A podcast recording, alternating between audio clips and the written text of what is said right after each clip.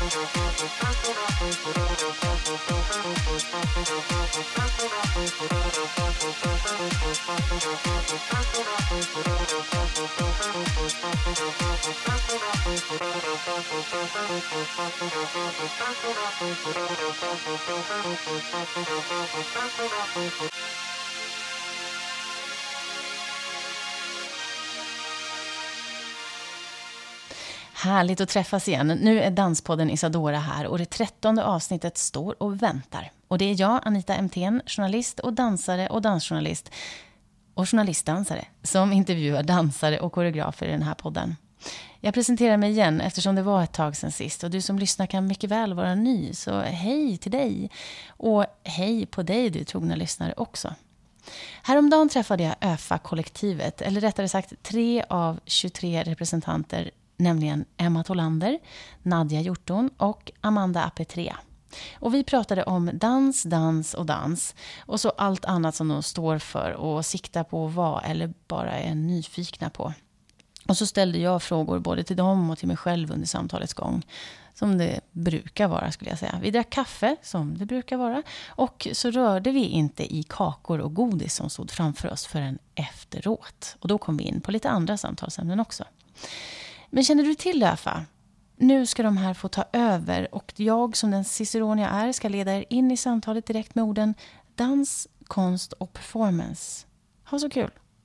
Så då sitter jag här, eller jag säger hej till ÖFA-kollektivet som är tre stycken medlemmar eh, representerade här idag.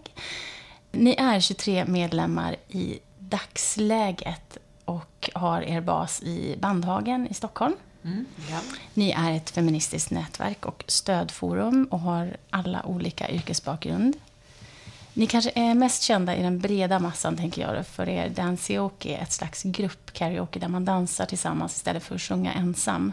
Och det kan man testa på på Dansmuseet bland annat i Stockholm. Ja. Jag har testat på det på Zebradans mm. en gång. Men så här beskriver ni er själva på hemsidan. Alltså var medlemmarna än befinner sig i världen är medlemmarna alltid en del av verksamheten. En ÖFA-produktion kan vara en person på scenen eller 22 personer som skriver en bok. Och det som definierar ÖFA-kollektivet är era arbetsmetoder och eller principer. Och då ska jag gå igenom dem snabbt här. Ni utforskar, utmanar och omkonstruerar normerna kring maktordning, professionalitet och konst. Ni arbetar kollektivt, demokratiskt och icke-hierarkiskt. Ni skapar era produktioner utan ledare och alla medverkande medlemmar tar tillsammans de konstnärliga besluten. Ert arbetssätt och metoden skapar innehållet. Ni omprövar, omformulerar och omvärderar hela tiden allt ni lärt och lär er.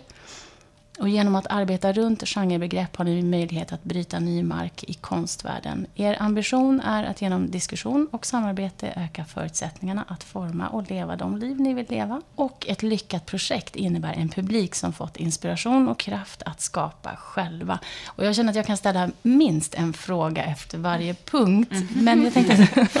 Jag med. Jag med. det här är ju ett riktigt, det här har ni satt ihop tillsammans ja. sen då starten 2004. Ja, det har faktiskt hängt med sen väldigt tidigt. Mm. Tog det lång tid att, att liksom sätta de här punkterna? Mm, det tog inte så lång tid att Nej. sätta dem, men däremot så är de ju hela tiden under förhandling. Mm. Så att även om det, när man läser upp det sådär så låter det ju så väldigt liksom satt och bestämt. Och det mm. är det ju inte. Nej. Det hela tiden pågår ju mycket mm. diskussion och så. Just det, men de har ändå inte ändrats särskilt mycket.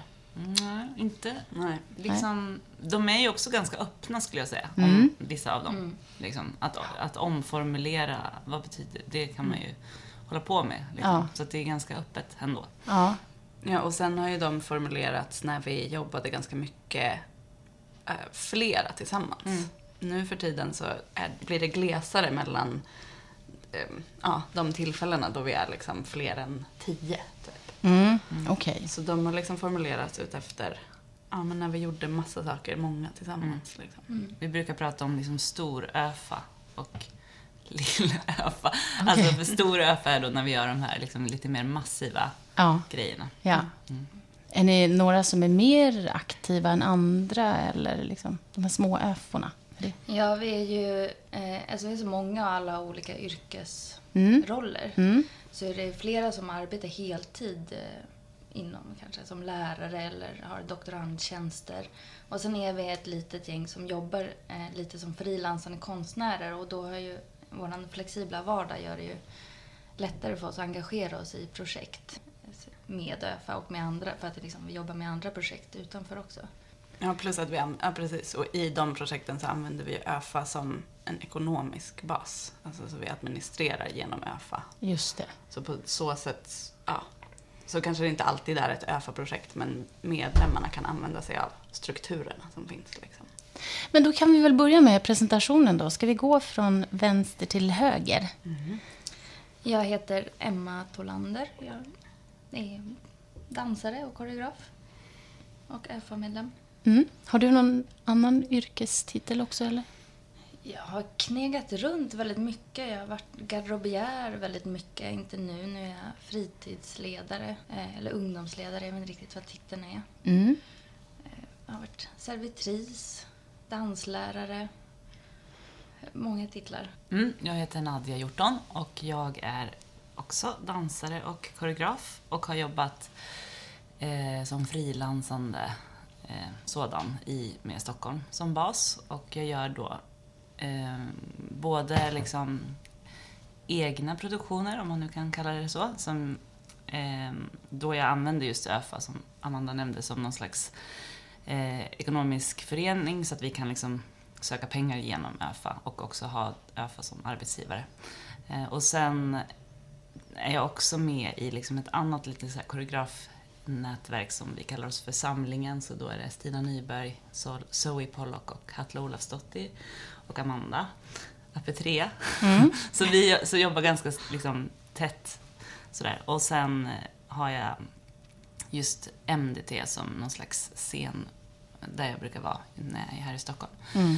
Um, och uh, har, i ÖFA så brukar jag vara med på senare år så har jag gjort också såna här små, små projekt inom mm. ÖFA. Till exempel ja. jag och Katarina Winter som är en forskare som är med i ÖFA. Vi har gjort liksom ett projekt tillsammans med konstnärlig forskning och sen jag och Lisen Rosell har gjort ett på Riksteatern som också är liksom ÖFA fast vi är bara två personer. Så det, jag har liksom gjort lite sådana projekt också. Okay. Ja, jag heter Amanda Petrea eh, och jobbar också som dansare och koreograf.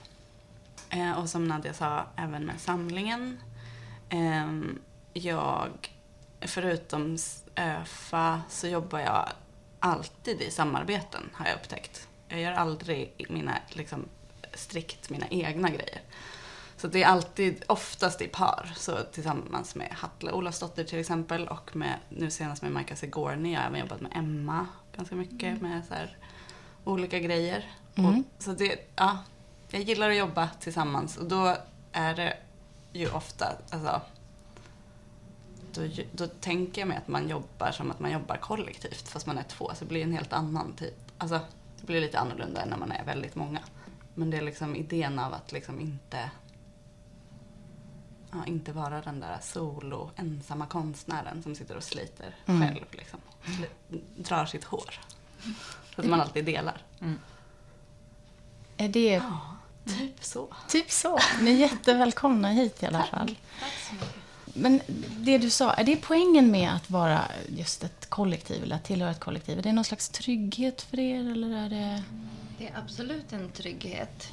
Och eh, jag tänker när vi var unga, nykläckta från olika utbildningar. Vi från dans och koreografutbildningar och våra kollegor kanske pluggade.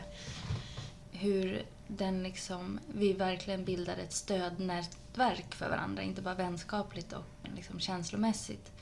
Men också som att man hade liksom olika kompetenser som man inte hade liksom ute. Om man behövde mm. hjälp med pressarbete så hade vi det liksom inom vårt nätverk. Om man, ja, olika sådana. Och då bredda sin kunskap, sin trygghet i att så här, hur, hur klarar man sig i den här yrkeslivet. Mm. Att man kan be varandra om hjälp och råd och rön. Och.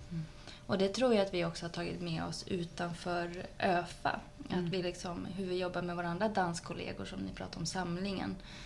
Att eh, i det här liksom frilanslivet, att vi konstant jobbar med att bilda ett liksom stödnätverk och jobba kollektivt. Även, jag gör ganska mycket eller inte mycket, jag har gjort liksom soloprojekt men jag känner aldrig att man är där själv på en ö liksom, och sliter sitt hår. Utan man har alltid någon som man kan lägga sig i den kökssoffa och säga så här, men nu händer det här och det här och jag behöver skriva ut saker. Kan jag komma alltså, Det är väldigt svårt att föreställa sig hur ens liv skulle varit utan ÖFA-kollektivet. Alltså då tänker jag så här, en, mitt professionella liv liksom.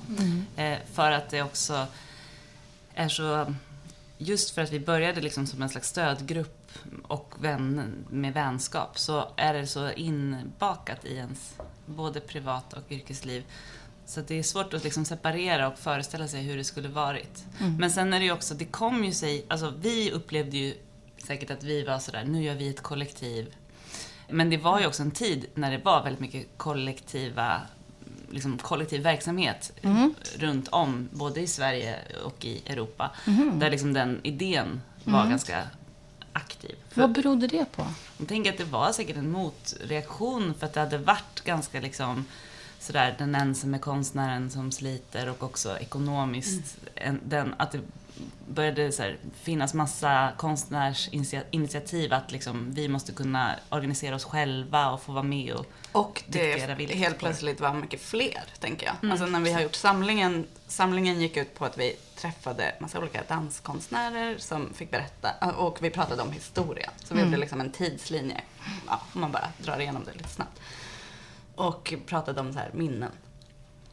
Och då tycker jag att det ofta kom fram att så här, sen blev det så många, vi blev så många fler. Alltså, Mm. typ, och vi har pratat med många som var verksamma under så här 60-70-talet. Mm.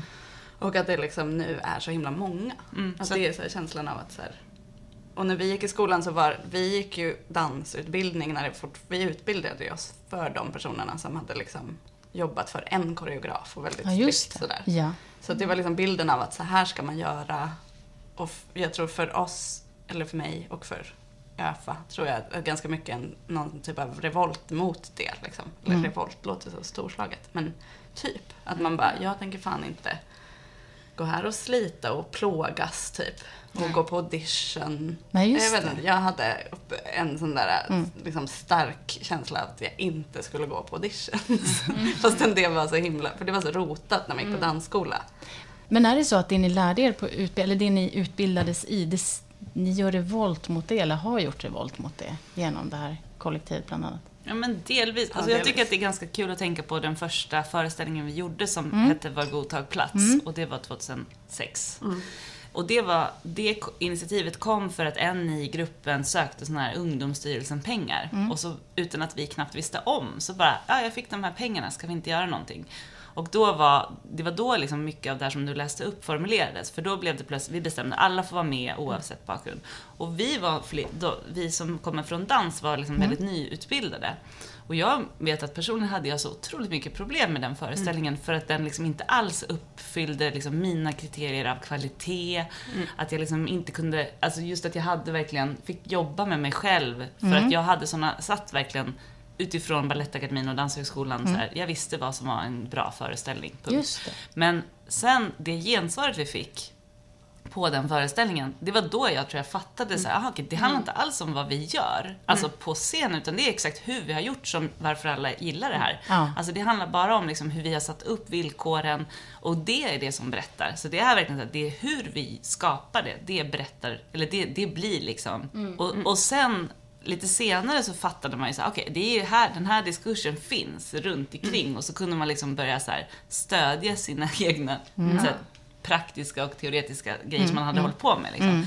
Men det var, det var så väldigt tydligt tycker jag hur man, alltså hur jag skapar en idé om kvalitet och om liksom arbetsmetod och sådär. Och sen så att så här, ja, det är faktiskt möjligt att vi kan ändra på det själva på något sätt. Liksom. Eller tillsammans. Ja. Och den diskurs, eller det liksom stödet och teoretiska stödet som vi hade då, då kom ju ganska mycket från liksom den feministiska rörelsen och feministisk teori. Det var liksom inte som att vi hade plockat upp det inom scenkonst och konstvärlden utan vi hade liksom läst olika feministiska skribenter och det pratades om... Många vi- läste, liksom Ja, pluggade på universitetet just då, precis. genus och liksom. Och att vi ville hitta liksom, eh, när vi, liksom sådana ord som platt hierarki, jobba emot hierarkier, inte ha auktoriteter eh, och också hur man liksom på en feministiskt sätt liksom utveckla den här ryggdunkarkulturen. Att liksom vara så här stödja varandra no matter what och bara vara så här, ja ah, du är skitbra, kör. Och bara ja-sägande. Mm. Det låter som att vi sitter i en riktigt stor stad. Se brandkåren där ute. Ja. Nej men ja, så det var liksom från någon slags, och det var ju väldigt mycket som hände inom feminismen just mm. där och då. Och har hänt under de här 11 åren som ÖFA-kollektivet har funnits. Mm. Så det var ju där liksom våran eld startade. Mm. Där vi liksom hämtade vårt tankematerial. Mm. Jag bara tänker, hur var är ni just nu peakmässigt om man säger så? Är det så här, är ni på uppåtgående eller är det en lugn period eller är det... Vi pratade lite om det igår, uppåt. Ja, men alltså, vi är ju, vi, jag skulle inte säga att vi befinner oss liksom eh, sådär längre i någon slags aktivistisk Nej. framkant. Därför att vi är också vita medelklasspersoner ja. till största delen. Så där känns det som att vi verkligen så här steppar tillbaks. För det, den kampen finns det många som mm. kan föra så mycket bättre. Mm. Men däremot så tror jag att vi konstnärligt håller på med rätt roliga saker. Eller där känns det som mm. att vi fortfarande har mycket så här att pilla med och mm. liksom undersöka. Mm. Och vi har gjort ganska mycket produktioner de senaste åren ju. Ja. Så att vi har liksom, vi är ganska mycket igång. Men det, mm. det har också, vi har också blivit mer liksom professionella. Alltså det har blivit mer av Men det känns förändligt också. Alltså, just vad ÖFA är, tänker jag, gentemot sin publik, eller någon, en publik, kan jag tänka mig är liksom, alltså då, från 2006 och till när vi gjorde ja, de föreställningarna efter, fram till kanske 2010 eller mm. Så var det nog ganska tydligt vad så här, ÖFA var och folk väntade på nästa föreställning. Mm. Och sen kom ÖFA Dance och då blev folk förvirrade. och sen nu är det som att, nu, alltså, som du säger, vi är så här, inom citationstecken professionaliserats ganska mycket i och med att vi som jobbar som frilans använder ÖFA väldigt mycket. Så det är liksom mm. på något sätt vi som gör föreställningar som då får, får på något sätt presenteras i ÖFAs tecken eller namn mm. eller någonting. Men däremot så här, vad, vad stor, som du säger, ja den Sioki är ju väldigt mycket vad folk tänker på nu tror jag. Mm. Att det är så här, det är det vi får förfrågningar om och så här. Och, alltså för några år sedan var det kanske mer våra performancefester mm. som vi mm. gjorde. Mm. Som var liksom ja, spåret av så här stor-ÖFA då. Vi har blivit tillfrågade av olika festivaler att så här, kan ni hålla avslutningsfesten? Och då har vi liksom kokat ihop ett koncept. Ja. Som sen efter några år varit mer och mer liksom nerkokat till en, mm. så här, ja just det, så här gör vi fester. Just Hur gör ni fester? Vi tänker liksom ofta, vi har alltid någon slags tema mm. eh, som vi också förhåller till den kontexten. Så det har varit mycket så scenkonstfestivaler liksom, mm. i Schweiz och mm. Österrike. Och, så. Mm. Men, och då bygger vi det som, liksom en, vi brukar prata om det som en slags koreografi. Eller, mm. Att vi bygger liksom en 12 timmars dramaturgi. Så att det brukar hålla på under så. Och då är det också alltid extra allt. Så att vi liksom showar väldigt mycket. Ganska så här enfaldiga små nummer, skulle jag säga. Alltså det är ganska liksom på ett sätt väldigt platt, men, men i och med det så har ju vi fattat att i, liksom att man kan gå den vägen och också ställa ut sig själv så brukar det också göra att de som mm. är på festen plötsligt släpper loss och verkligen mm. så kan ge sig hän. Ja, och sen är det ju någonting med att vi är, alltså när vi har gjort alltid när vi har gjort de festerna har vi varit i alla fall så här 12 pers runt omkring. Mm. Ja. Och då är det liksom 12 värdinnor som mm. möter mm. folk. Liksom. Mm. Så det blir ändå ganska, man blir ganska, jag tror man blir ganska överväldigad. Man känner vår närvaro. Ja. Vi har jättemycket kostymbyten, ja. vi DJar, men också tar in folk som vi känner eller som vi tycker ja. är bra. Ja. Och sen är det ofta stationer och så är det mycket pimpat och, och liksom. Väldigt interaktivt. Mm. Ja.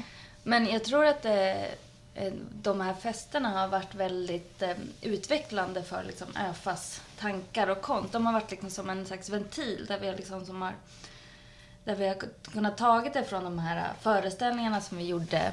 Ja, jag kommer lite närmare. Ja. Föreställningarna som vi gjorde i början med de här tankarna att okej, okay, alla, alla får göra, alla kan göra vad som helst och mm. ja-sägande. Och på festerna så har det varit ännu mer möjligt att bara liksom barka iväg med galna idéer och bara ah, kör på det. Vi klär ut oss i klutar och sen ska vi dansa till vad var det, en slags frihet och liksom tänka galet mm. när man är många. Och det kommer ändå liksom filtreras genom det här kollektivet och alla tankarna och det som liksom vi genomför. Det har ändå liksom tanken har mm. gått igenom från idé till att några varit peppade, till att några skaffade klutar och, mm. och men, så vidare. Så att jag förlåt, tänker, men vad, vad, är klutar för någonting? Ja, det är en sån här huckle som man har Jaha, på huvudet. Okay. Som är, har varit en hel stil som är liksom... Emil Lönneberga. Ja. Men eh, för mig tänker jag att just de festerna har varit liksom ett stort steg för oss. Liksom en plantskola att fortsätta de här idéerna över ja. bjussighet, någon slags fulkultur, att det inte behöver vara slipat. Men, mm. Och också som jag tänkte Inte så coolt. Det behöver liksom Nej. inte vara så Nej. Tufft. Och att folk, då, upps, då aktiverar det människor. När man mm. bjussar på sig själv och inte är orolig över liksom hur det, exakt hur, mm. om det kommer vara coolt eller passa in. Då blir folk aktiverade och meddragna. Men, och det har också varit, för att förra året så fick vi förfrågan från Stadsteatern i Uppsala om att göra en föreställning. Mm. Eh, en interaktiv föreställning. Eller jag tror till och med mm. en föreställning som utmanar publikkontraktet var liksom frågan. Ja. Mm.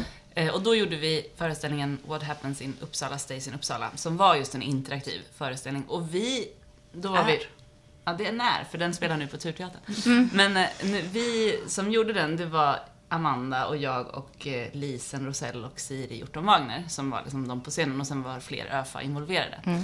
Men då var det ju så vi tycker ju ganska illa om interaktiv mm. teater och interaktiva verk. Mm. Så här, person. Men, mm. men, det var, men då använde vi oss jättemycket av de här performancefesterna som liksom metod och praktik. Så att okay. vi hade dem ganska mycket som mm. en slags eh, liksom ett slags score för hur vi skulle bygga föreställningen. Som mhm. påminner lite, fast den är helt, liksom, det är en föreställning. Men det ändå finns väldigt mycket spår av den typen av ja. mm. interaktion. För att det funkar eller för att ni gillar att jobba så eller? Eh, ja men därför att det känns på något sätt öppet och inte påträngande. Alltså det finns ett val, du kan liksom välja din interaktion och att du kan också bara vara i rummet och du är ändå med. Men det sätt. handlar aldrig om att, ut, alltså när du säger så här, vi gillar inte interaktiv konst eller vad det nu Vi hatar det.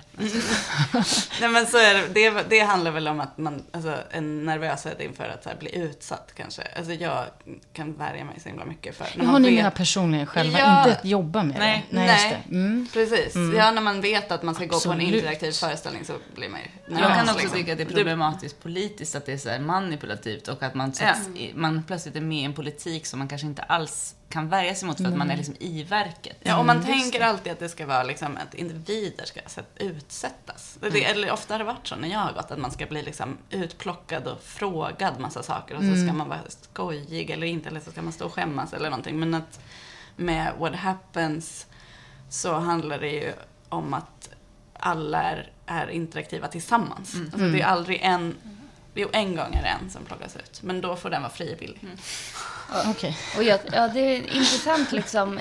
Jag känner som att när vi pratar om så här, ja, interaktiva föreställningar som vi har blivit utsatta mm. för. Mm. Att det är lite någon slags bebissjukdom av så här, interaktiva. För bara det ordet förutsätter att det är så här i annan konst ja. så är publiken passiv. Mm. Ja, Vilket ju är liksom ett konstigt grundantagande. Det blir jätte liksom, och om man då ska liksom börja med det, så här, ja, här sitter ni ju passiva och sen ska man komma och vara så här, mm. nu ska vi aktivera er. Just det. blir det väldigt, väldigt konstigt. Så, och mer hur liksom, jag tror, jag tror verkligen att det här har funnits med oss ända sedan eh, första föreställningen var Godtag plats. Att vi liksom, vi är väldigt medvetna om att publiken är en del av den rörelse och den liksom, det. det. vi vill skapa. Mm. Och där, det har liksom tagits vidare genom de här festerna och sen What Happens. Och sen också alltså, föreställningen som vi gjorde för högstadie efter What Happens i Uppsala som hade premiär på Zebradans i mars i år. ÖFA Monster som också byggde vidare på den idén över liksom ett tillåtande, deltagande föreställning där vi liksom är i scenrummet med de som kommer utan att utsätta dem för något på något sätt. Utan mer. Men känner ni er publik eller de som kommer och ser er? Jag tycker inte det. Jag tycker jag känner mer än dan min danspublik, mm. typ. Mm. Alltså de som mm. kanske kommer om så här, jag gör saker som är mer liksom dans... Ja. Eh, I alla fall marknadsförs som dans. Liksom. Ja. Ja, vilka tror Men, ni kommer att se? Vilka, vilka attraherar ni? Det är ju väldigt olika. Det har förändrats och det är också förändrats. Till exempel, direkt när du ställde den här frågan så tänkte jag på Dansioki och den mm. resan som... Dansioki har ju bara blivit ett eget, en egen kraft som har utvecklats av sig själv utan att någon har liksom gjort någon plan för det. Och nu när vi senaste året har gjort det på Dansmuseet en gång i månaden Jag känner inte igen någon som är där. Det har liksom nått en publik som jag liksom inte ens förstår vilka de är. Jag vet inte var de kommer ifrån och hur de hittade dit. Men Ganska- våra föreställningar... Ja, men det, en så här kulturintresserad, eh, lite medelklassig publik skulle jag säga. Men det som har- kommer till ÖFA. Ja, det tror jag med. Och det känns ju också som att, alltså, det beror ju också så mycket på kontext på något sätt. Det beror ju på, alltså nu när vi har varit på Turteatern, då får vi ju rida på Turteaterns publik. Och det är så en ganska ung, en ung välutbildad, rätt vit, väldigt vit publik. Och på Stadsteatern i Uppsala så var det ju så här helt klart en äldre medelålder. Oj, gud, jag slår. Eh, då var de liksom, ja men då var det ganska blandat. Den, kanske den då publiken, våran ung, lite, ja men publik som är i vår ålder, typ, som är som oss. Och sen den här Cirka äldre. 30. Cirka 30. Däromkring. Och sen en äldre publik som var, då är det liksom väldigt annorlunda för oss att ha den publiken där. Ja, det Och var för dem. jätteroligt. Ja, det var jättekul. Och, alltså bland, väldigt blandat liksom. Oftast. Äh, Det var väldigt härligt när det var både och. Liksom. Vilka når ni på Moderna Dansteatern då? Vilka kommer dit? Kollegor. Ja. Mycket kollegor Ja. och liksom folk, så här, lite konst, eh, liksom även bildkonstintresserade. Mm. Alltså det är också så här, en, en publik som är intresserad av MDT. Ja, det känns ju som att MDT, eller det är väl så, alltså att dit går man om man är medveten och, om vad man får där också. Alltså. Men även där har det ju hänt lite, alltså jag tänker Amanda, du hade ju premiär på den här I'm a very understanding woman. Mm. Och det var ju knökfullt. Ja. Och även Ludvig då hade ju, gjorde ju med Mm. Johanna den här Hyperfruit. Det var ju också skitmycket folk. Så det har ju liksom, det känns som att, och då var det inte bara liksom danspubliken utan Nej. det kom också andra. Mm. Av säkert olika anledningar. precis, Men det, det, börjar håller komma på. lite, and, lite folk kanske börjar smyga sig dit från teaterhållet och Mm. typ film. Nu jobbar ju vi med Siri Hjorton Wagner som producent, som också är med i ÖFA-kollektivet. Och råkar vara Nadias syster. Ja. Mm. Och råkar äga en, Ja, som av en händelse. har ett produktionsbolag som heter Sick Film, så hon är liksom Ja. i filmsvängen. Ja, Så- just och jag tror att det var ganska mycket, hon fick ju dit ganska mycket ny, ny publik nu när vi gjorde vår premiär. Ja, men det låter som att ni har många kompetenser. Och när ni säger också det här med dans, det är ju inte så att ÖFA-kollektivet är bara dans. Nej. Utan vad, hur skulle ni beskriva det i övrigt? Jag var ju inne på så här dansperformance, vad är ni för någonting? Men Ibland säger vi att vi gör pjöser. För en gång fick vi en recension där det stod att där det hade så felstavat pjös istället för pjäs. Det tyckte vi kändes passande, att vi gör pjöser. Ja. Eh, Alltså, men jag, jag tror att, har vi inte någon slags tradition, alltså lite så här som det började var ju någon slags collageteater, lite Ja, kabaréform liksom. Nummer. ja. Eh, och det är ju inte riktigt så nu liksom, men det, vi kommer ändå, och det är ganska mycket, vi jobbar liksom rätt mycket med någon slags humor.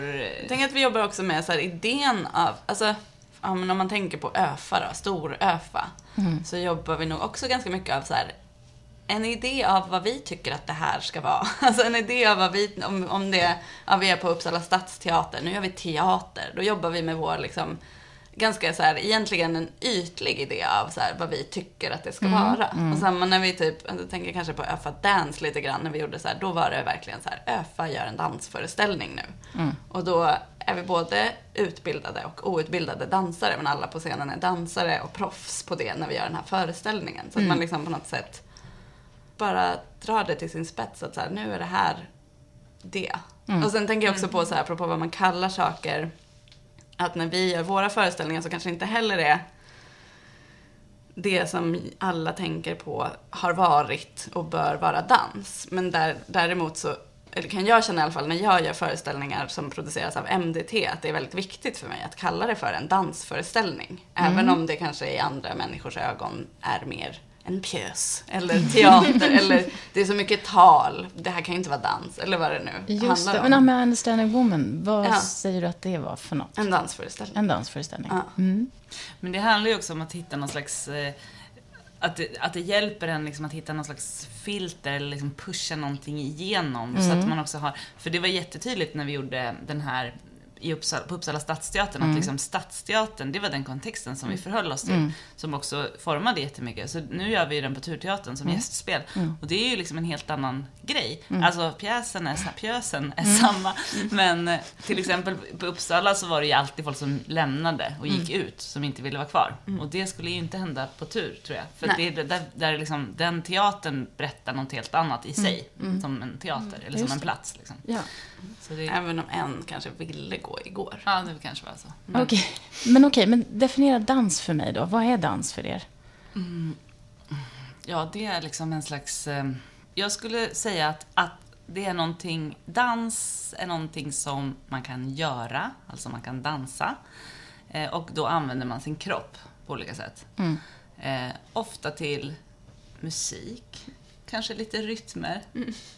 Eh, men vad dans...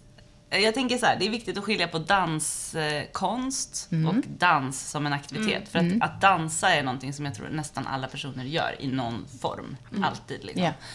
Och sen så, danskonst är det som du definierar själv som danskonst. Så det är lite som att fråga vad är konst, skulle jag säga. Ja, just det. Det är liksom sam...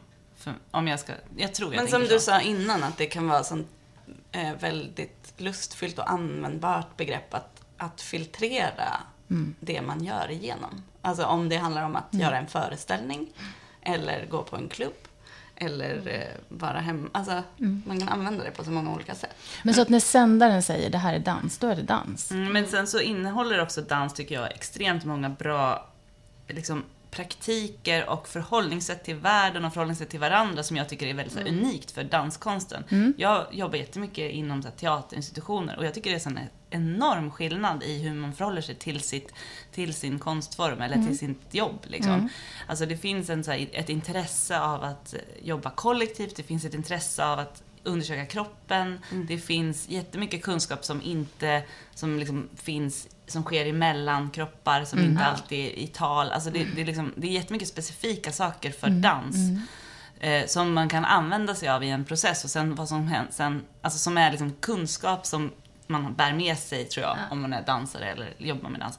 Men, så, och, men sen så vad som sen kommer ut liksom på scenen kanske inte alltid ser ut som dans. Men jag tror ändå att i och med att det har liksom i den processen funnits där så det skulle aldrig ha blivit så om du liksom hade ett gäng skådisar som gjorde samma sak. Alltså, så att det är liksom ändå viktigt tror jag att liksom på ett sätt så här, liksom gro, grotta ner sig i någon slags praktik eller så.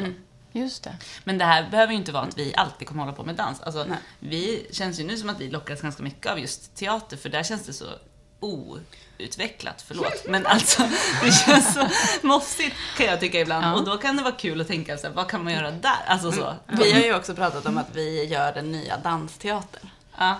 Som ett litet Men sånt det ska du inte säga i skrämmande. podden. Jo, jag tänkte att vi lanserar det nu. Ja, okej. Ja. Nu, nu kommer vi ut.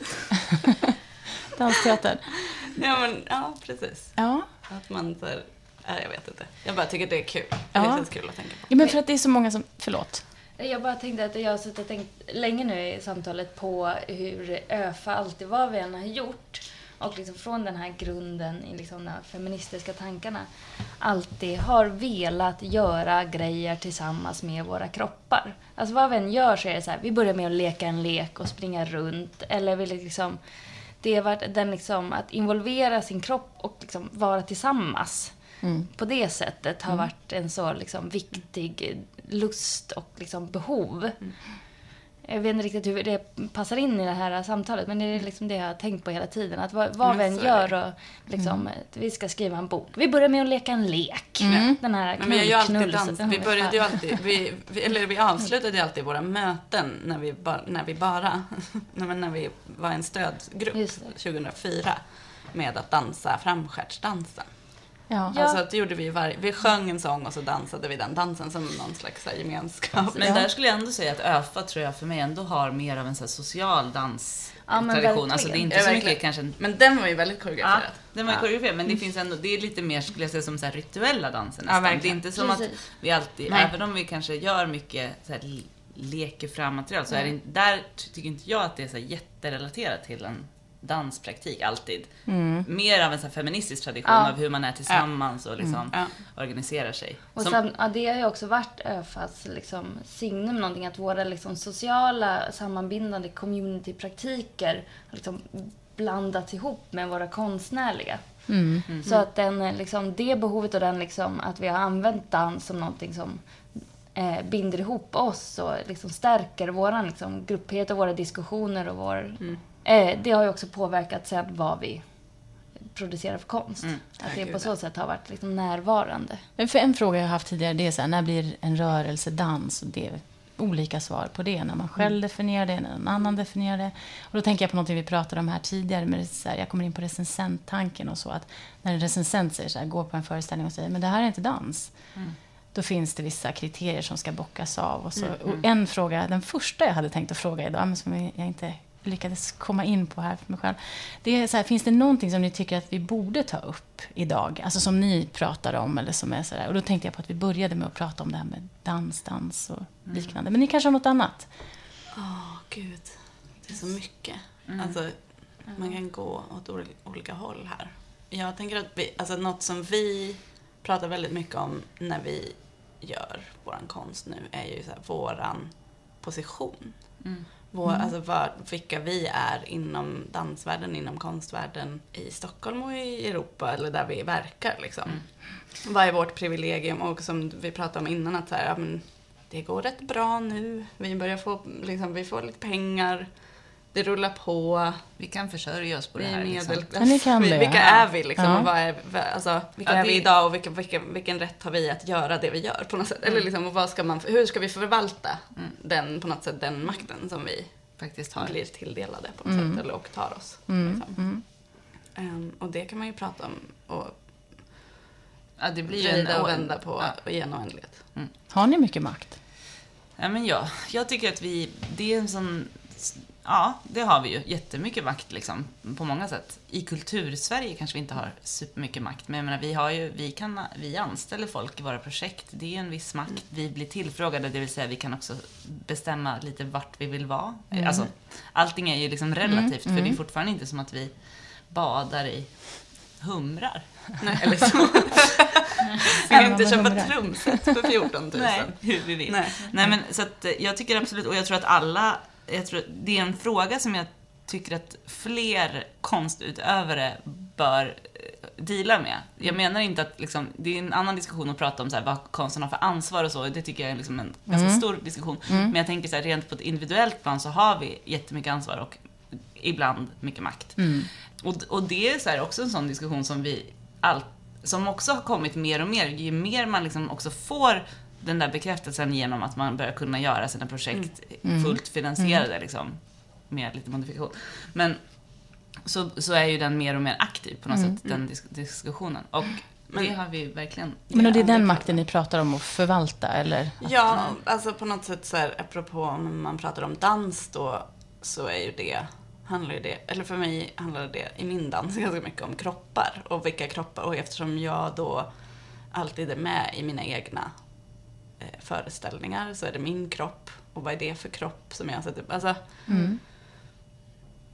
vilket är så här, både väldigt användbart när man vill kanske prata om eh, genus och vad man nu vill prata om med sin kropp. Men sen också blir det en begränsning Mm. i och med att man har den kroppen man har. Liksom. Det pra- vi pratade väldigt mycket om det nu när jag gjorde I'm a very understanding woman tillsammans med Micah Sigourney som är då en cisman, vit cisman från USA. Och vi hade de här kropparna som är så här, jag har min kvinnokropp och han har sin manskropp. Och hur förhåller vi oss till det? Vilket också var så här, nytt, för mig var det så himla nytt att jobba med en sån kropp. Jag har alltid jobbat med kvinn, andra kvinnokroppar. Så då, ja, men då pratar vi om den och vad, liksom, vad de kropparna säger på scenen på något sätt. Och hur man ska, ja, hur kan man vara, hur kan man, hur kan man säga viktiga grejer med de kropparna och inte, ändå inte liksom säga fel saker på något sätt. Vad kom ni fram till då? Ja, vi kom ju, alltså föreställningen vill ju på något sätt, den, föreställningen handlar ju om att vara kvinna. Mm. Och i föreställningen så ber vi också publiken att bli kvinnor. Så vi, ja, man kan väl säga att dels kom vi fram till att vi kommer se det genom det här filtret Mm. nu. Och vi kommer använda våra kroppar på det sättet. Mm. Och sen så är det ändå, så här, den ena kroppen har en penis men just nu är den en kvinnokropp. Mm. Så då, ja, jag tror att vi försökte närma oss det lite på det sättet. Det är som att eh, steg ett i den här, liksom, det här jobbet som vi pratar om nu är ju att inte blunda Utan att vara medveten om vilken kropp man har, vilken makt man har Mm. och liksom dela den informationen. Hur blir man medveten? Typ öppna ögonen. Ja. Alltså, det är liksom inte så svårt tänker jag egentligen. Det är väl snarare... Jag tänker, vad ska, vad ska man ställa för frågor om man nu är intresserad av så här? Det är ju ganska mycket det som gäller. Att, alltså, lä, googla, läs böcker. Men och framförallt också och, och samla kunskap. Kanske, ja, samla kunskap och vara, kanske, och vara öppen och intresserad av, av Och andra perspektiv. Att det, an- det finns andra personer som också vet mer än Ja. du om saker. Alltså jag tänker att det handlar så mycket om att inte så ta sig så att tro att du kan berätta någonting utifrån andras perspektiv. Alltså det finns ju sjukt mycket bra personer som sitter på så många olika perspektiv och har liksom jätte... Så att där handlar det väl också om att ibland kliva åt sidan, men kanske inte ens Alltså ibland så kanske man inte ens behöver kliva åt sidan utan kanske bara vända på sig så inser man att det händer jättemycket saker på något annat ställe. Liksom. Men och sen så tänker jag att det är så här, det blir också, sen har ju liksom de större institutionerna och maktpersoner har ju såklart också ett, liksom, ett tydligare ansvar därför att de kan också bestämma liksom, vilka tar vi in i huset, vilken, vilken, vilka får tillträde till de här rummen. Alltså där är liksom och sen tror jag också att man också ska inse att det är liksom, det, du kan alltid göra bättre. Jag tänker så här, man kan liksom verkligen... Att jag tycker fortfarande att jag aldrig har lyckats med någon... Alltså att man liksom... nej men alltså med just med, att, så med den diskussionen så är det ju ett failure konstant Ja. i liksom, jaha jag fick inte med mig de här personerna, det, det blev igen så här. Alltså, så här Och då är det bara liksom stå med skammen med all rätt och sen försöka göra bättre igen. Liksom. Ja. Eller lägga ner. Alltså jag vet inte, men det är liksom, man måste vara lite hård tror jag. Ja. Och se Ja, till att man inte hamnar i försvarsposition och försöker liksom stänga ögonen, stänga öronen och eh, hävda sin, stå kvar. Nej men precis. Mm. Utan Det, för det fin, okej. finns aldrig någon bra anledning, även om det var så här, vi, vi hittade, vi kunde inte, vi, bla, det är aldrig, det är aldrig good enough liksom. Man får Nej. alltid göra bättre. Mm. Finns det någonting eh, i andra verk eller andra personer eller dansföreställningar som inspirerar er? Vad ser ni på när ni eller tar del av? Mycket och lite. Ser ni på annan dans? Ja. Jag har gjort jättemycket och nu gör jag mindre och mindre. Ja. Jag har en period då jag inspireras mest av andra sociala praktiker. Liksom. Mm. Att träna tillsammans och göra saker tillsammans. Och Mm. Jag har en liten paus i min, i min kulturkonsumtions... Liksom jag ägnar mig åt andra saker. Mm. Jag inspireras mer av att gå på en dansklass än att titta på. Eller att träna, träna brasiliansk jujutsu som jag gör. Och den liksom kontinuerliga... Liksom, ja, det är ju nå- någon slags något annat. Mm. Men jag inspireras av eh, Nadjas dotter Majken som tränar gymnastik. Sånt. Men jag tycker jag ser ganska, alltså så mycket jag kan, men det blir ju mycket liksom en, alltså eftersom man känner så många som är aktiva, så blir det mycket vänner. Ja. Alltså, Och det blir också att jag ser, om jag ska titta liksom på, som scenkonst som stort så blir det oftast att jag väljer dans för att det är någon, jag har någon slags koppling till den personen. Där jag känner att jag missar otroligt. Jag tycker hela tillvaron går ut på att man går runt och missar Ja. allt man vill se. Liksom. Och så här, ja men det är verkligen en, ett, det är ju svårt att få hinna liksom. Jag Och det tycker- känner väl alla. Jag, jag tänker nog sam, alltså, det är både och. Jag inspireras både av att gå på saker som jag tycker är skitdåliga, vilket händer oftast. Mm. Och också sen blir jag jätteglatt överraskad när jag ser något som jag Mm. Vi blir fyller på kaffe här. Nej, jag kissade. Men sen tror jag att när jag, när jag gör grejer, alltså när jag är inne i en skapande process, då inspireras jag nog mest av, av att läsa och Ja. typ kolla på film. Ja, Jag med. Just det. Och kanske musik. Jag tänker så här, måste man konsumera kultur för att skapa kultur? Nej, men man behöver läsa. Nej, men jag tycker att det är ignorant liksom att, eller sådär, om, till exempel om ni hade gjort en föreställning som heter I'm a very understanding woman och helt varit helt ignora, ignorerat liksom att det finns en gigantisk så här, teoretisk diskurs kring Ja. det. Det tycker jag liksom, där kan man inte riktigt. Så det har man, där tycker jag man måste, alltså det är liksom mer personligt. Inte Ja, att det är ett jag ansvar, nog men jag också. tycker man måste liksom Ja, göra det sin, gör nog inte sitt alla. jobb. Nej, det gör inte, men jag tycker liksom det är en del av jobbet på något sätt. Ja. Och det vi nämnde både innan att eh, man måste öppna ögon och öron och ve- veta, som ni nämnde, What Happens in Uppsala, att man måste veta var man är, vilken kontext är det man jobbar i, vilken diskurs är aktiv där, eh, var är jag i världen eh, och så vidare. Det är någon slags liksom, och då kan jag att liksom veta vad som händer i resten av dansvärlden eller teatervärlden vara en del av det. Och samt teorin kring det. Man gör ju ändå ett, liksom, ett inlägg i den, liksom, i den kontexten och diskursen och så. Och då kan ju det också bli extremt pinsamt om man inte har någon koll på resten av diskussionen. Ja. Och också irrelevant då. Ja. Man- Då blir det kanske irrelevant konst. Ja, så- men så det handlar om att ta ansvar och visa Ja. respekt också gentemot alltså hela helheten, kontexten. Ja. Även om ansvar är ett så svårt ord tycker jag. Just där. Eller det liksom... aha. Det låter, jag fick något så här politiskt. Men jag tänker att det, alltså som när vi, vi höll ett, vad, vad kallade vi det? Vi var keynote speakers på den här post-dance-konferensen som var på MDT. Med samlingen. Och jag var inte där kroppsligen, men Du var med och gjorde. de andra, jag var med och skapade talet. Men då började det med att vi sa att ingenting är opolitiskt. Alltså allting vi säger och gör är politiskt.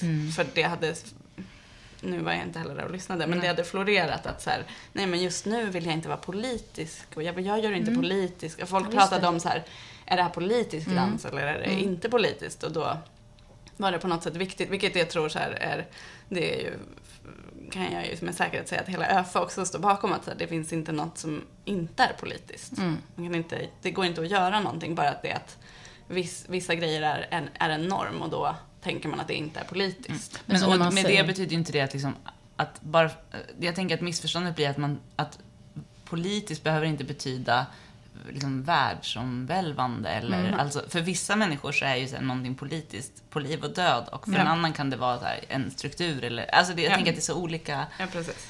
Men liksom att vi har jobbat inom ÖFA men också i andra så danssammanhang väldigt aktivt på liksom att den politik som jag för liksom, privat måste vara jag, jag kan inte göra ett verk och säga så här, det här är ett politiskt verk och jag vill ta upp det här och här och sen har jag så här folk jobbar gratis eller jag är jätteauktoritär. Eller, alltså det handlar om att man måste så här förankra sin praktik liksom i alla led. Ja. Eh, och där tänker jag så här, det är en väldigt stor skillnad tycker jag när man kommer in på institutioner. Att man, när man jobbar att det känns väldigt förankrat tycker jag i frilansvärlden. För man är, det är mycket så här, man får hålla på och fippla och deala och liksom man är ganska snabb i beslut och sådär. Medan i större, eh, större hus där det också kräver en viss typ av hierarki och liksom folk har olika roller och sådär.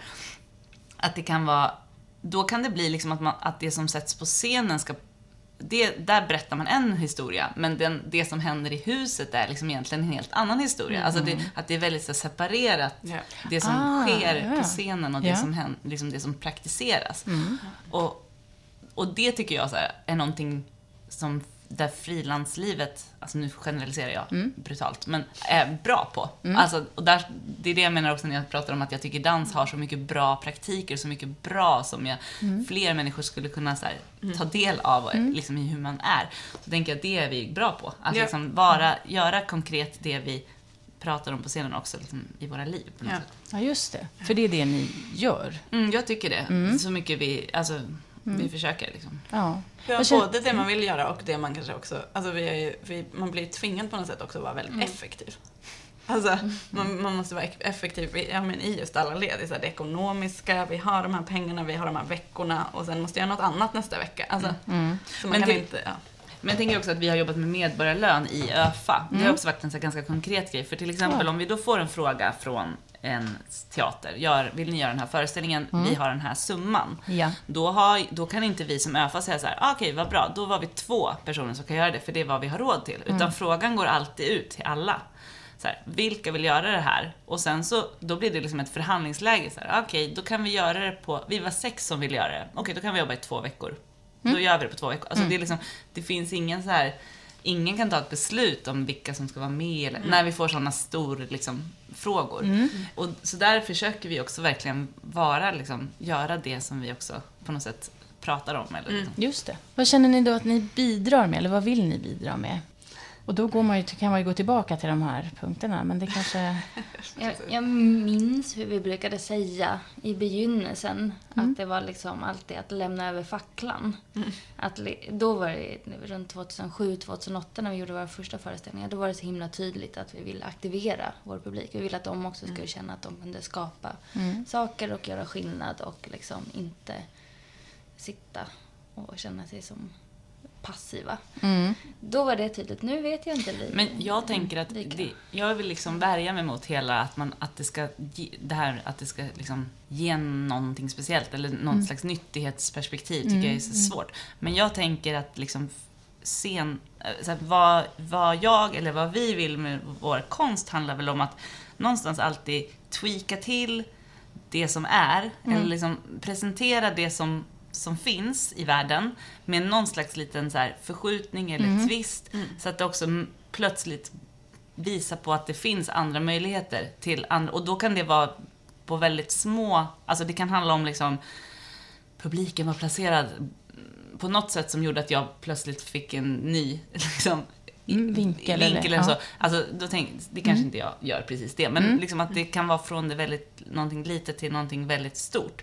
Men att det handlar hela tiden om att vi lever ju i ett så väldigt rationellt, ordnat, problematiskt samhälle och där har ju konsten det den kan göra. Den, Mm. kan, inte, den kan inte förändra någonting tror jag. Den kan inte, liksom, i det stora, den Mm. kommer inte göra att Sverigedemokraterna inte finns. Liksom. Mm, Eh, Men däremot så kan den på något sätt förskjuta saker så att, man, så att det blir synligt eller det blir möjligt kanske.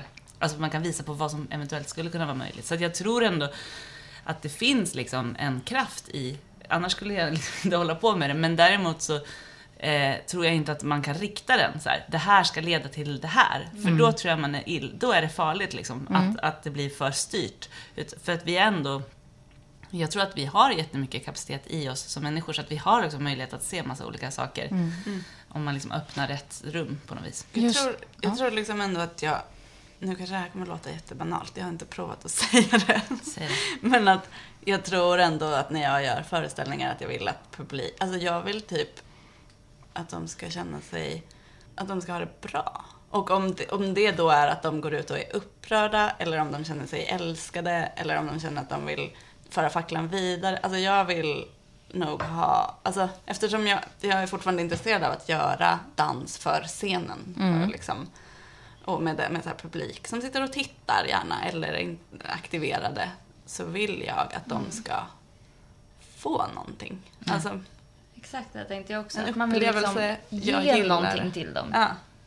Och så här, jag och Mike har pratat väldigt mycket om så här, underhålla. Han jobbar som drag queen i San Francisco. Och sen kommer väldigt mycket från så här, en underhållningskultur. Där det liksom inte är något tabu med att underhålla. Nej. Och så jag och Emma har jobbat mycket med så här jazzdans och vad det har varit och vad det vad vi kommer från en tradition från Balettakademin där, man, där det har varit så här, underhållning har varit en stor grej som, ändå, som man ändå försöker Ja, man kanske är mycket med den industrin som man försöker ta sig bort från men att det finns någonting i det som jag tycker är så himla fint. Mm. Att stå på scenen framför några och bara ge dem någonting. Mm. Bjussa. Ja, precis. Och, och som sagt, så då behöver inte det vara så här, folk har det bara gött och liksom lutar sig tillbaks och har liksom, det kan vara det, men det kan också vara så här, man går därifrån och känner sig så här ledsen och arg, typ. Men då är, det, då är det ett värde, liksom. Men ger ni då utav er personligen eller en roll som ni går in i? Ja, Jag, jag, jag tycker inte att... Alltså, ja, det är Eller går det att att skilja säga. på det? Nej, alltså på ett sätt. Men jag liksom, det är inte som att... Om jag, när du säger så här så tänker jag på så här, utsätta sig liksom privat för saker. Den typen av Ah. konst. Inte, men jag menar, det är ju... Jag är ju där. Mm, så att på det sättet är det ju liksom... Man ger ju av sin tid och sin tankekraft och sitt arbete. Mm. Sen har eh, jag i mina sologrejer gett mycket personligen också. Mm. Men eh, Klarar man bara av det, personlig info. Ja, det, Ja. man. det får man ju- alltså, jag tycker desto mer man ger, desto mer får man Ja. klyscha. Men liksom, absolut. Men jag tänker att jag gjorde ett solo där, som handlar om mitt liv. Och då, men det var ju bara liksom ett, en slags förtäckt berättelse för att det var inte viktigt att det, alltså det är så jag tänker att det, det handlade om mig men det var inte viktigt i, i ja, att det var just mig. Det hade lika gärna kunnat vara en påhittad berättelse om någon som var som mig. Så att det blir ju inte som att, då tänker inte jag att jag känner mig utsatt som, Nej. eller att jag utsätter mig för någonting så. Men där jobbar vi lite olika. Det. Förra Ja. helgen var jag på Konsthall C och gjorde en improvisation då jag liksom berättar om mina senaste älskare och så. Men då bad jag också publiken att ge mig specifika saker. Det, var, det kändes väldigt mycket som ett utbyte. Just det. Vadå, jag fick du uppgifter utav publiken? Eller? Nej, jag Nej. bad dem eh, ge mig emotionellt stöd. Ah. Och, eh, Mm. ja, men det var en, liksom, Mm. en liten eh, vad ska man säga, workshop performance på ett seminarium, så då var det möjligt. Mm. Men det är ju fortfarande som att du Men, eh, är där som en performer. Så att det är ja, inte som... det Alltså, det jag tänker att... Men jag använde mig själv som Ja. material. Jag använde Mm. mitt eget liksom, historia som material. Så som du gör. Mm. Bara med lite olika liksom. Men det blir ändå Nyanser. allmän... Ja, såklart. Om det, ja. det är svårt att få det att inte bli det. Då Ja. har man ju stängt någon dörr på något konstigt sätt. Man gör ju det som för att bygga broar till, liksom, till det man vill säga, mellan publiken och det man vill säga och idéerna. Och, Jag tänker så här, vad är det, hur vet man när någonting funkar och inte? Jag brukar tänka att processer ofta för mig handlar om just att, alltså både kollektiva och, eller jag skulle säga att alla mina är ganska kollektiva, men liksom i ÖFA eller utanför ÖFA. Mm. Att det handlar om att oavsett om man börjar med en idé eller liksom ett tema eller så, att, det, att på något sätt skapa ett språk kring det, den, det man håller på med. Mm. Och att, alltså, då, det är ofta så här, vissa ord kommer upp, det handlar om att man jobbar med vissa bilder, vissa typer av kanske rörelsepraktiker sådär. Och att om man har lagom med tid så brukar det på något sätt under en process också kunna börja så destilleras ner vad som fungerar. Alltså det är nästan som att man skapar en egen värld där, där man skapar de där ramarna för vad som funkar och inte funkar. Och det läskiga är ju att ibland så hinner man inte dit, så då är man fortfarande i liksom skapandet av den här världen och då kanske inte alls är tydligt egentligen vad som skulle falla bort. Och ibland så kanske man kommer förbi det, så att man börjar liksom om från början och så kanske man tar bort saker som inte... Men för mig är det väldigt så här, jag ser ofta som att man håller på att pussla med någonting och skapar en egen logik och ett eget Ja. språk och sen utifrån det så hittar man liksom Mm. men sen tror jag att man Ja. måste vara jäkligt hård mot sig själv. För där tycker jag att, alltså ofta när man ser något, jag ser något som är dåligt, då är det att jag tycker folk är slappa. Alltså man får liksom shape up, gör sitt jobb. Man måste vara slappa eller oroliga. Ja, eller Rädda. rädda. Ja, precis. Men liksom man måste vara jävligt hård med sig själv så här, om man ens ska visa någonting. Så här, varför ska jag visa det? Vad ska jag... Och då tänker jag på, på alla de här planen som vi pratar om. Både liksom politiskt men också liksom så här, rent vad du presenterar. Eh, vad du har för idé. Men, och det finns ju så himla mycket fällor som man kan hamna i. Att så här, man börjar göra någonting för en...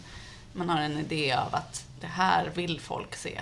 Eller det här, nu när jag har bestämt att jag ska göra, använda det här temat, ah, I'm a very understanding woman, då måste jag ju då måste jag ju verkligen göra så här. Eller jag vet inte, det är så lätt att hamna i att man, man gör någonting som man tror ska vara istället för att bygga upp det där som du pratade om. Alltså bygga upp En en, en, ja, en logik och någonting som betyder någonting för en själv.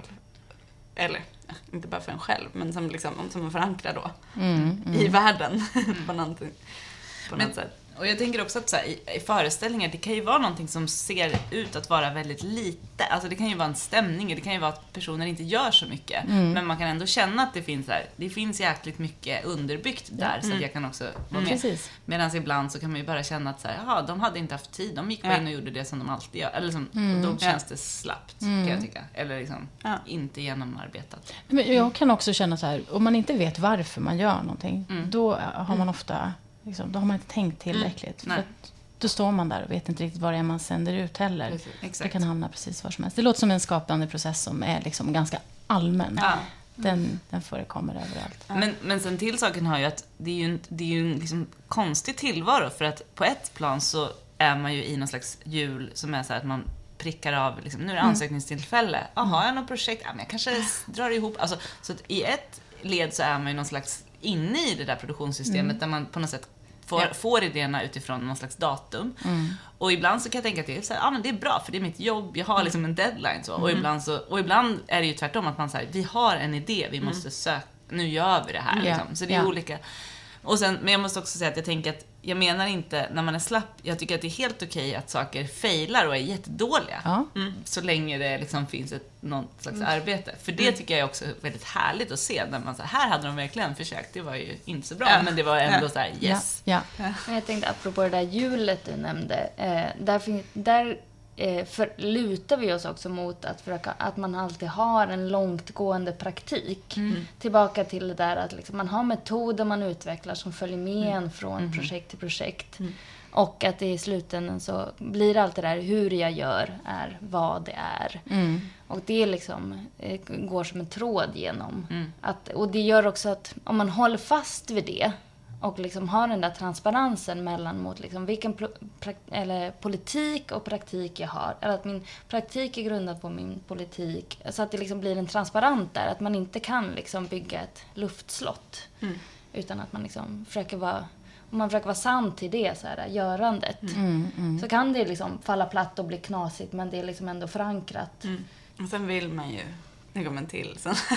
Nej, men sen, sen vill man ju ändå sälja sin show. Alltså så man vill ju att den ska funka. Alltså, nej, förut så sa jag, nu säger jag emot mig själv lite kanske, men förut så sa jag att så, det är viktigt för att man gör ty- tydligt för sig själv vad man håller på med och inte så här, tänker på någon typ av, liksom, vad funkar här? Men å andra sidan så vill man ju eller jag vill det i alla fall. Jag vill spela så mycket som jag bara kan. Och det är ju alltid ett dilemma inom dansvärlden att vi får typ inte spela. Vi, får, vi har aldrig några spelperioder, i alla fall vi, det vi gör som sitter här. Att vi så här, vi... Man spelar 10-15 föreställningar Ja. och sen... Och det är ändå rätt mycket om man tänker på sånt som Ja. springer på Dansens hus och så, som är en, två dagar. Ja, precis. Men och då turnerar ju ändå de föreställningar Ja, ja. som kommer till Precis. Dansens hus. Liksom. ja. Men ja, precis. Det, Ja. Man, Men så det är så mycket som- ni ja. skapar, alltså man skapar dansföreställningar, det kan ta ett år eller vad det nu är, hur länge som helst. Och sen så har man de här, den här korta spelperioden. Vad gör man sen? Alltså, vad händer med Dansverket sen? Ja, nästa. Ja, men det beror på. Får man, man pengar igen. ja, men får man spinn på det så kan man ju spela. Och jag menar, vi Ja. har ju flera verk som ligger Ja. som man spelar lite Ja. då och då. Men, Man eh, jobbar ju på sig en liten en ryggsäck. Man har som en liten repertoar. Liksom. Mm. Och sen är det ju ofta så att eh, du kanske har ett verk då blir, som du har spelat och som blir det några andra som blir intresserade då av ditt nästa som inte finns. Alltså så skaffar man sig samproducenter. och Det är ju liksom sådär råddigt liksom. Men jag tror att det håller på att ändras. Det, är liksom, det kommer ju nu från massa håll. Både från Kulturrådet som trycker på alla eh, länsteatrar och så. Att det ska, för det är framförallt i Sverige som det inte finns några sådana här turnénätverk. Liksom, det funkar ju mycket bättre i andra länder i Europa. Att det liksom finns Dansnät, är teater. de aktiva? Ja, men de tar ju Ja. två föreställningar liksom per år, så, eller vad det är, som får Ja, åka. Så det är ju ganska begränsat. Och sen så har ju Riksteatern, de turnerar ju svin mycket, men de är ju också på ett plan så är ju deras föreställningar, de är ju billigare att köpa in, så det blir också att de på något sätt Just. tar ganska mycket. Men där görs det ju jättemycket också, så att det, är ju, det finns ju ett intresse. Jag tyckte det var kul för jag var och kollade på din och Hatlas Beauty and the Beast, Amandas föreställning. Och då på den här Fine Selection, Ja. Another Fine Selection. Och det var så himla, yet another, Yet another fine, fine selection. selection. Då var Tredje det året. ganska mycket teaterfolk där som var så här, ah, de bara älskade det Ja. sjukt mycket. Och då pratade jag lite om det efteråt, så här, men nu kommer den inte spela något mer. Nej, så är det liksom. Den har spelat lite grann här och lite där. Och de men varför har den inte spelat? Och det är för att det liksom finns inte den det finns inte det, att Nej. man liksom har en, en längre spelperiod och en repertoar. Men jag det. tror att det kommer hända. Det känns Ja, som att det det är jag många som, och också från egna, Mm. liksom från danshållet, att man känner själv det. Liksom. Men det känns också som att publiken kanske är van vid att det är sådär, så att då efterfrågar man inte det heller. Det är så här, ah, nej, men det var det. Var det. Ja men Det den som- publiken är ju van, men annan publik får man ju inte då. Alltså då, Nej, håll, då, då sitter man där med den. Alltså, Nu tänker jag också på samlingen och när vi pratade med folk som var aktiva eh, i, inom vindhäxor, eller hur? Glashuset. Ja. Att så här, då, när, när de började göra föreställningar så hade de en spelperiod i alla fall på så här, två veckor, det var, eller tre, eller det var tio föreställningar i alla fall. Mm. Och att så här, man bara, ja, men vad hände då? Frågade vi. Och då var svaret att så här, ja, men det kom många på premiären, sen var det en liten dipp och sen kom det folk. Alltså det var så här, man bara, ja men oavsett, och sen kan det ju vara så här bra, liksom vissa föreställningar går bättre än andra, men att det är ju såklart en regel, för då hinner det komma kanske en recensent och folk hinner få så här, tänka lite och sen kommer folk i slutet. Alltså det känns så himla logiskt. Ja, verkligen. För om det det, är bara inte. två föreställningar, då kommer ju de som vet om det innan. Som Ja, då ja. planerar in Ja, det. Men är det två veckor så hinner någon höra ryktet och bli Ja. nyfiken. Ja.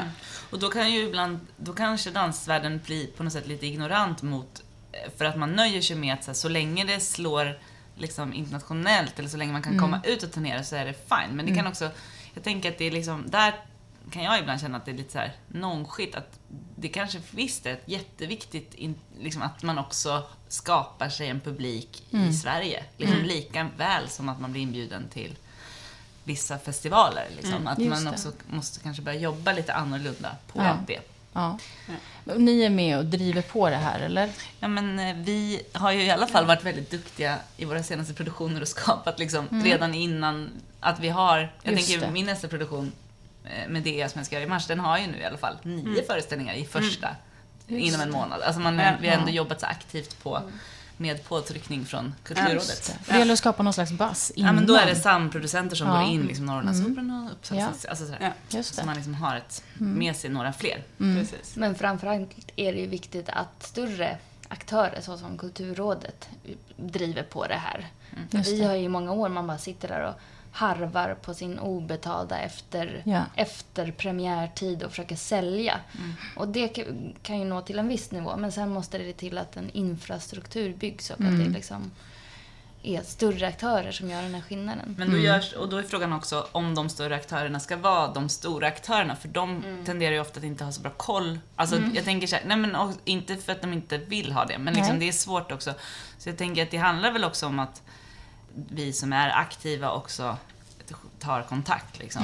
Och jag tänker, Anna Efremsson och Tove Dahlbom och Stina Dahlström. Dahlström, jag sa bara fel. Ja. De har ju till exempel nu ett så här nätverk som just för turné, som är liksom, riktar sig mer mot konsthallar och sådär. Alltså, Ja. så det, och det initiativet kommer från folk som då är väldigt aktiva i dansfältet. Så att jag tror att det kommer komma mer och mer så. Också att inse sin egen makt. Att Exakt. ta det Mm. mm. Ja. Ansvaret, eller vad man nu ska säga. Mm. Just det.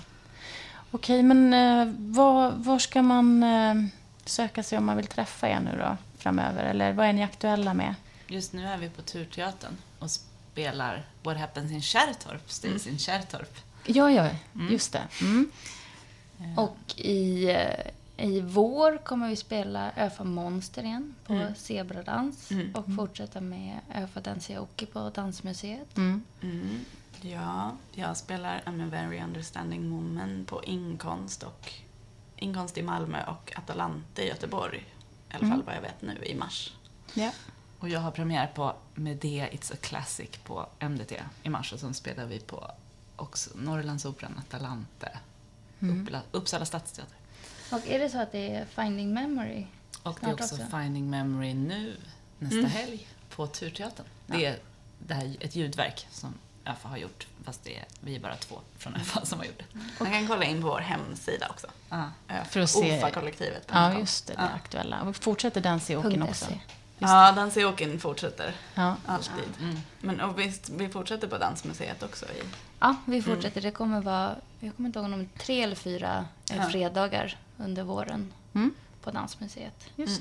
Och sen så kommer det konstant förfrågningar och vi får se. Turnerar ni runt med det då, eller? Det är som att det har varit en evig turné sedan 2008. Ja. Det är bara liksom fortsätter leva på. ja. Mm. ja men för jag tänker det fanns någon sån här lunchbit också som Mm. höll på. Det är som Ja, att folk exakt. vill Dansa. Ja. dansa. Precis. Ja, det, det slutar inte. det vill de hela tiden. Okej, är det någonting som ni vill tillägga? Det känns som att man har sagt så mycket kork, eller det, det är så här snabba, det är alltid det här kluriga. Förlåt för allt. Förlåt för allt. Ta hand om varandra där ute. Ja. Köp inte för mycket saker till jul. Nej, köp inget.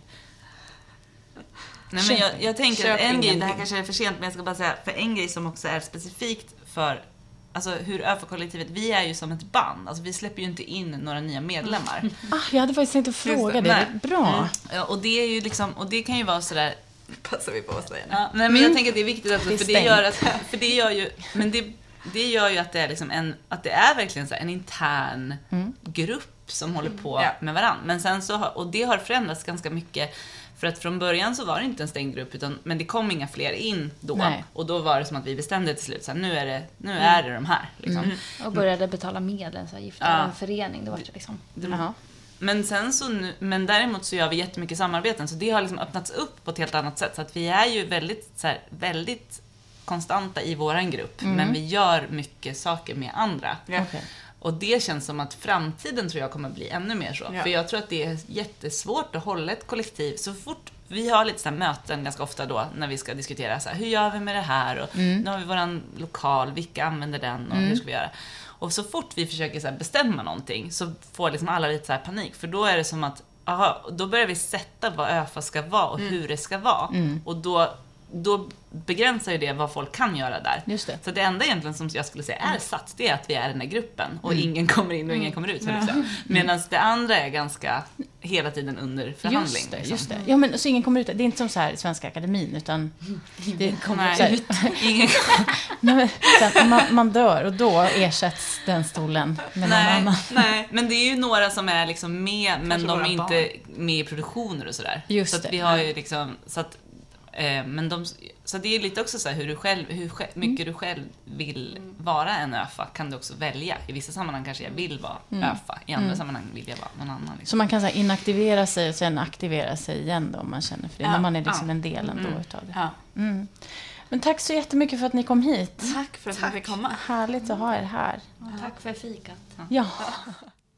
Så, det är över för denna gång. Danspodden Isadora avsnitt 13 är slut. Tack för att du lyssnade. Hoppas det var lika fint för dig som det var för mig.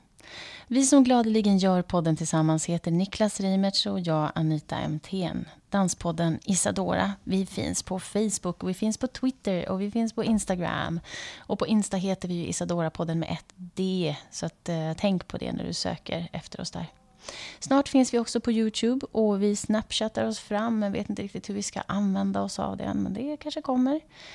Kontakta oss i alla fall via våra sociala kanaler och eller som alltid mejla oss. Vi gillar verkligen det. Prenumerera på oss på iTunes och lyssna där på Acast eller direkt i Soundcloud. Och där kan du lyssna på alla avsnitt som kommit ut och ladda ner hejvilt när du har tid. Nu får ni ha det fint allesammans så ses vi om blott några veckor. Hej då!